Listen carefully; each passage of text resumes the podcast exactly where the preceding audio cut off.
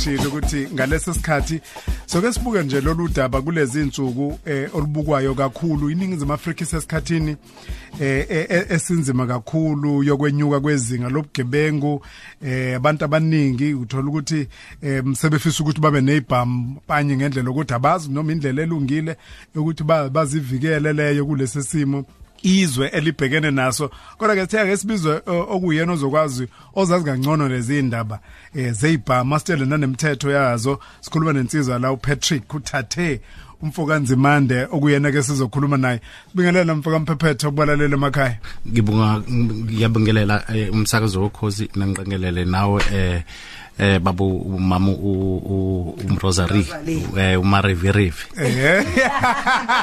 Nalo ke ngilithandayo. Umarivirivi. Ngangiphinda ngibize ngelinye umarivirivi. Ngibize umalume cha phela bese ngibize umalume awu kulungile umshana marivirivi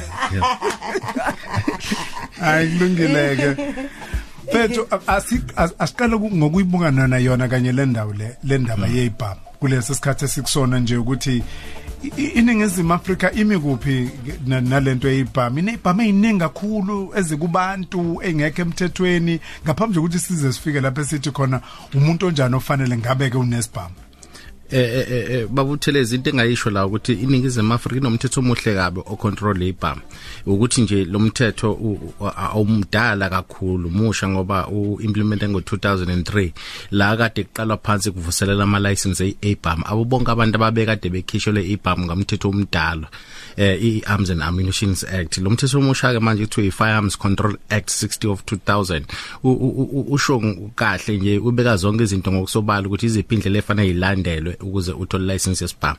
Awukho umuntu omvimbayo ukuthi abe nayo license yesibhamu kodwa konke lokho kwenza ukuthi uhambile osifundela isibhamu. Lokhu kuyikona esikwenzayo ukuthi nikufundele ukufundisa abantu ngeibhamu futhi nakho ukufundisa kwethu akukona nje ukuthi sifundisa umuntu sivele sithathe simsihlathini eh i training yethu i registered inama ngathini i aligned to ama requirement mhlambe akwa South African Qualifications Authorities ngoba eh inama unit standard are registered. Ekuyiwona esiwasebenzisayo kuyo yonke nematerial ethu esisebenzisayo i align kulokho ke ikushithi yahambisana nemithetho emisha. Nama training schools futhi lawa kuyiwona afundisa ngeibham accredited accreditwa eh okwamanje se accreditwa uPFTC uProfessional Firearm Training Council. Eh emva kokuba usu accreditiwe kwatholakala uchawu nalwazi olufanele nazo zonke idingo zokutraina ngeibham uyayigcina. Bese uapplyela kwa SAPS South African Police. Lapha befika khona bazokwenza iverification babone ukuthi cha ufanele futhi umuntu ogcinayo umthetho. Bese bebheka ukuthi nazo zonke izidingo zokufundisa abantu nokuthi umthetho yo understanda yini. Umuntu onjani ke yena loyo ongako okulungele ukuba nemvume yokuparticipate umuntu nje ngathi nje mhlawumbe into engayibala noma ubani unalungelo lokuthi abe naso spam uma abe ewamitha ngethini ezilandelele zonke indlela lokuqala nje umuntu eneminyaka u21 kufanele applyele i-competence certificate. I-competence certificate ngeke uze applyele i-license yespam ungenayo i-competence certificate. Iqala la ke lento onqekelele iqala sekutheni uyahamba kwi training provider accredited ifike kwenza i-training. I-training yakhona inento ezifundwayo imibhalo ebhalwayo nani nama practicals akhona masithola i-certificate esibizwa nge-proficiency certificate. Leyo proficiency certificate ayihambi nje emoyeni ngeke uzofika uhlangana nomuntu emgaqweni ufike uyithola. Okusho ukuthi leyo training provider ngoba i-accredited fanele ikwazi ukuthi ngoba izifundo lezi ezi-registered njengoba ngingachaza ekuqaleni ik-upload kwi-system ukuze uvele nakulena record database ukuphuma i-statement of result esikhomsayo ukuthi ngempela lento oyifundile. Engani nombane ehambele endleleni noma esefonini noma ungena ku website ufike usicheck usithole ukuthi hayi sisiyavela so ke leso statement of result ubuzuhamba naso kusuye police station ngasekhaya la uhlala ngakhona usuphethe iproof ye address yakho number 1 eh uphethe ama ID code uphethe ama ama locals ama ID eh akho a certifyiwe uphethe i certificate lezathu ngezibali izithombe ze passport eh nemesube nabantu ke ngomthetho we domestic violence ngoba ibhamu siyathola ukuthi senza kakhulu futhi abantu bayisebenzisana nasemakhaya. Kuphoqelekile ukuthi Firearms Control Act ihambisana ne domestic violence. Lokhu kusho ukuthi fanele kube khona abantu basekhaya. Mawushadile fanele kube nenkosikazi wakho okufakazela ukuthi wena umuntu onjani. Ufanele yini ukuphatha isibhamu? Baphethe kanjani ekhaya? Ngaphandle noma kuthiwa kuyena unkosikazi awushadile noma kuthiwa yena kumahlalisane wakho loyo naye fanele asho. Uma ungenako konke lokho ngaba umfowenu noma usisi wakho noma wakho akubhalela incwadi eh le esho nje ukuthi yakwazi ngomthetho amaphoyisa afanele am interview ambuze ukuthi lo muntu uyavuma ukuthi ube nesibhamu? Umuntu onjani? Awuna amacala? Ziningi ke ezinye izinto eziconsiderwayo eh okwala usukusa apply i competence kuphela. Once ya approve i competence i competence akona kuphela ukuthi ufuna ukuthenga isibhamu. We apply i competence ngokuthi ufuna umsebenzi. Competence to possess firearm. Eh mawufuna umsebenzi mhlawumbe umsebenzi we security nje. Uyakushuthi lokho kuvulelekile ukuthi nombani angayapplyela once wayithola lo ofuna ukuthenga isibhamu useyahamba ke manje uyothenga isibhamu. Bese sithengile isibhamu hayi ukuthi uyasithenga sithathe njengesinkwane nasekhaya. Kodwa sesala khona igun shop lapha athola ama forms athize akhela ukuthi apply isibhamu wathole egun shop ayenayo police station. Esefaka wonke futhi lama requirements labo besikhuluma ngawo. Kufuneka ne proof yokuthi isibhamu uzosibeka kuphi. Eh kusho ukuthi amaphoyisa afana afike enze inspection a check isifo sakho la ekhaya ukuthi sumounthelile is either kuyi floor noma isodongeni la uzogcina khona isibhamu uma besingekho kuwena. Bengisathi impela ngisazobuza kanjalo ngoba uyuzo sekuthiwa ingane ithe idlala nenye yakube encane yayidubula kwathwala izandla ekhanda kwathola ukuthi isibhamu besingekho esisefeni kodwa futhi besisemthethweni uzosekuthiwa seyaboshwa futhi. Izinto ezinjalo bengithi ngizoyibuza. Yabo nje lokho ubudede ngobukhulu okwenziwa abantu. Eh eh leyo nto akufanele ngayenzeke ngoba akusho ukuthi kufanele uhambe uqoqoshene nesibhamu noma ikuphi la uhamba khona. Eh isibhamu mangabe singekho isidingo saso kufanele sihlale sisefeni sikhiyele kwenze icontrol yaso ihlele kuwena mnikazi welicense ngoba uma bekwenzeka ukuthi kwenzeke into enjalo lo muntu noma kanjani unecala. Lobudedengu afana bewe lona. Lelo cala ke lobudedengu vele lizomlahla ngoba futhi vele lesibhamu sesilimaze nempilo yomunye umuntu. Lokusho ukuthi noma kanjani masa enkantolo ngeke azazalwini icaleni njalo uma bekuthi amaphoyisa asebenze kahle enza uphenyo kahle. Ngeke azalwini icaleni njalo futhi nelungelo lokuba nesibhamu. Kufanele lisuswe kuyena lelo lungelo ngoba ukhombisa ubudedengu obuyisimanga ngoba isibhamu esisodwa singalimaza abantu abaningi noma sibulala abantu abaningi.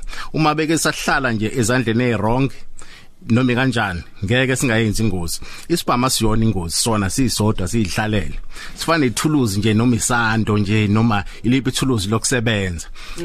Alisuke lithuluzi kwi toolbox loshayela isipikile kodwa umuntu olithathayo lo ngizama ukuchaza ukuthi ibhama akukhona ukuthi zona ziyingozi. Kodwa singozi uma bese sezandleni engafanele kuba kuzona. Yeah. Kusho ukuthi noma sishadile mina nomyeni wami mina eh ukuthi sishadile akusho ukuthi sihlangene esibanyini no akusho nihlangene lokusho ukuthi kodwa kunganivumela ukuthi ni applyele i license eyodwa yesibhamu esisodwa.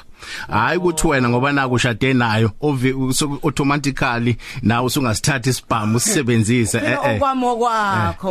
Uma akusebenzi ukuthi okwamo kwakho. Cha in this case kule lokhuza indaba enezibhamu mhlambe ema asset amanye ngabe okwamo kwakho kodwa ukusebenzisa mhlambe ungaba nalo ngenhliziyo ilungelo ukuthi sakho kodwa ukusiphatha usisebenzise ngewuzuza ukwazi into ebalekile ukuthi ke mhlambe esimeni sinjalo ngingakusho nje ukuthi kubalekile ukuthi obaba babanike ithuba omama ukuthi bayifundele ibhamu nazo bazazi ngoba yabo into engiyibonayo mina la embe yenzakalayo ukuthi eh abantu abafundisiwe ngebhamu uyothola umuntu uthola ukuthi uneziqu mhlombe kadokotela mhlombe unama masters kodwa uthola ukuthi usenze iphutha ngesibhamu. Wavela sishiye emotweni sathathwa igebengu. Noma use ngoba akasifundi noma mhlambe usehlaseliwe wasebenzisa kungafanele asebenzise ngoba akafundi ngazo. Khonto ke wadlula kuyona. Eh khonto ke wayisho ngafisa ukubuza ukuthi uma kwenzekile nangumrozo uma eyonkosikazi wami mina ngifuna ukuapplyela ilicense yesibhamu njengoba ushilo abese fika lapha kwi-interview angiveze njengomuntu onentukuthelo ongakulungi ongeke njengoba kade usho ukuthi uyabuzwa ukuthi ngikulungele ngingakwazi ukusiphatha isibhamu. Uma efika lapha nengichitha bangeke banginike. Hayi angikholwa ukuthi ungasithola ngoba phela lesi sibhamu kusho phela ngesobe hlela ikhazi obuhleli naye useshila useshila unobufakazi phela ngeke asusele ekhanda nje abe nentukuthela isusele emoyeni. Eh eh leyo ntukuthelo yakho suyisusele ezimene ezithiza azaziyo ukuthi mhlambe wena unesandla esilule ekhaya uyashaya nolaka eh ulwele into engenamsebenzi. Mesebona ukuthi kuba khona kwalesibhamu ngase kwenza kusebenze nakhona ekhaya noma kubantu e- endaweni ngendlela engelungile. Esimele sinjalo singeke samsola impela mayenqaba Mphephetho kwesikhathi isibhamu ngeke sisihlukanise nezinhlamvu. Eh uyobona umuntu omunye phethe inhlamvu nje. Kodwa singekho isibhamu. Kodwa umbone lokho e- e- ekhukhumala ngazo nje inhlamvu ukuthi uphethe inhlamvu. Simsabe sonke. Eh ku- kuyini eh, leyo nto leyo ungayikhuluma? cha inhlamvu yona isibhamu inhliziyo yesibhamu noma isiphi inhlamvu uma isibhamu uma besingena inhlamvu ngeke size sisebenze ngoba ukusebenza kwesibhamu asixhunyiwe gesi noma sinama battery enza ukuthi sidubule. Kodwa ukuqhuma kwenhlamvu ikona okwenza ukuthi sisebenze. Yabona leyo nhlamvu ingozi ngoba uma sukhumbule kahle i- i- i- ilokhuzana i- i- uma ubeka icala utholakala nesibhamu nenhlamvu kuyahlukaniswa. I- inhlamvu zizodwa ziyicala.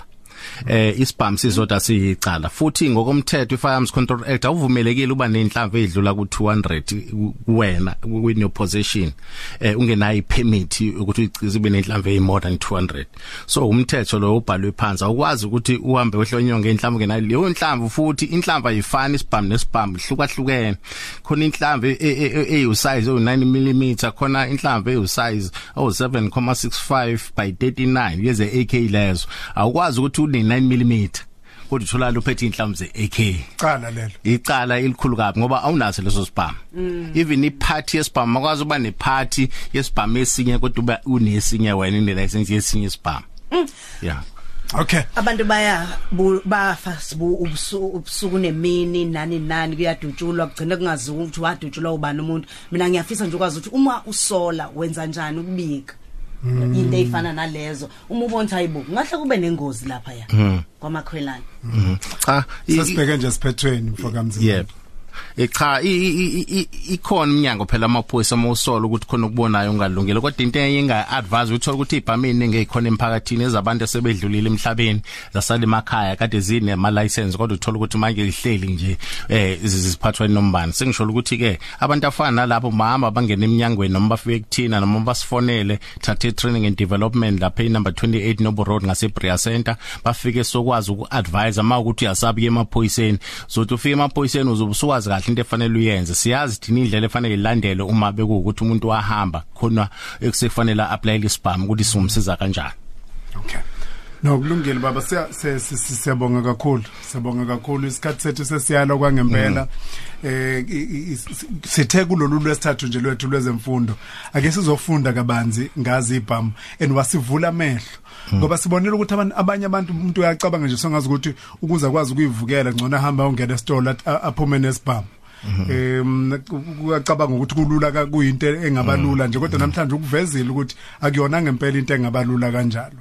Mhm. I akulu akulula ngempela ukuthi kwenze kanjalo. Eh a- engingagcizelela kakhulu ukuthi abantu abafundile bami noma usunazo phela fanele ukwazi ukuthi upractice ngoba ulwazi lwakho ol- ulisema muscles ngekhathi upractice upractice into right ingalesikhathi ukwazi ukuthi isebenze kahle. Akukhona kuphela ukuthi isibhamu ezokuyivikela khona ibhamu zokuzingela khona ezinye zama sports eh unga- ungasithenga isibhamu usithengele ukuzingela ungasithenga isibhamu usithengele ukuba imember ye ye club ethize yokudubula. Konke lokho kwenza ukuthi abantu bavule bazi abantu ukuthi akukhona kuphela ukuthi ufanele usebenzise ngoba naku kukhona isigebengu efanele sihlasele yabonga Sibonga kakhulu mfoka baba. Singathola sikuthola Eh ngitholakala number 28 Noble Road lapha eBria Center eceleni nje kwaseNandos. Inamba yakho ithi 0833590095. eyami le eqonde ngqo. Ungasena noma WhatsApp ngikwazi ukuresponda kuwena. Ku right ukuthi ufone wenze appointment mapho uzofika. Ngoba kuhlale kugcwele. Ngiyabonga. Usheshisile kodwa inamba ithi 083 359 0095 Siyabonga kakhulu. Thank you. Siyabonga kakhulu. Sibonga kakhulu siyabonga mphephetho khona insizwa ke ngicabanga ukuthi ke ilalele naye. Esizokwazi ukuthi igqugquzeleke ngoba khona intombi ebiyi kade iyithanda ishela yathola ukuthi intombi inesibhamu. Uthi useyayeka. Kodwa manje- Uyekiswa yini? uthi manje unesibhamu. Hawu ilokho nje? Usezwile ke manje ukuthi cha sisemthethweni ufundisiwe lo cha dade akakakuzwa ukuthi sisemthethweni. Cha angamana angamana hamba yobuza bonothathe lapha ukuthi ayocheck ukuthi sisemthethweni yini. Cha cha cha. ngoba ukuthi usibonile nje mfowethu u- u-right abaleke impela. Baleke uzephula nawe usibonge nekini izandla uthi ngeke bayishela into vele Umrozo right here on Ukhosi FM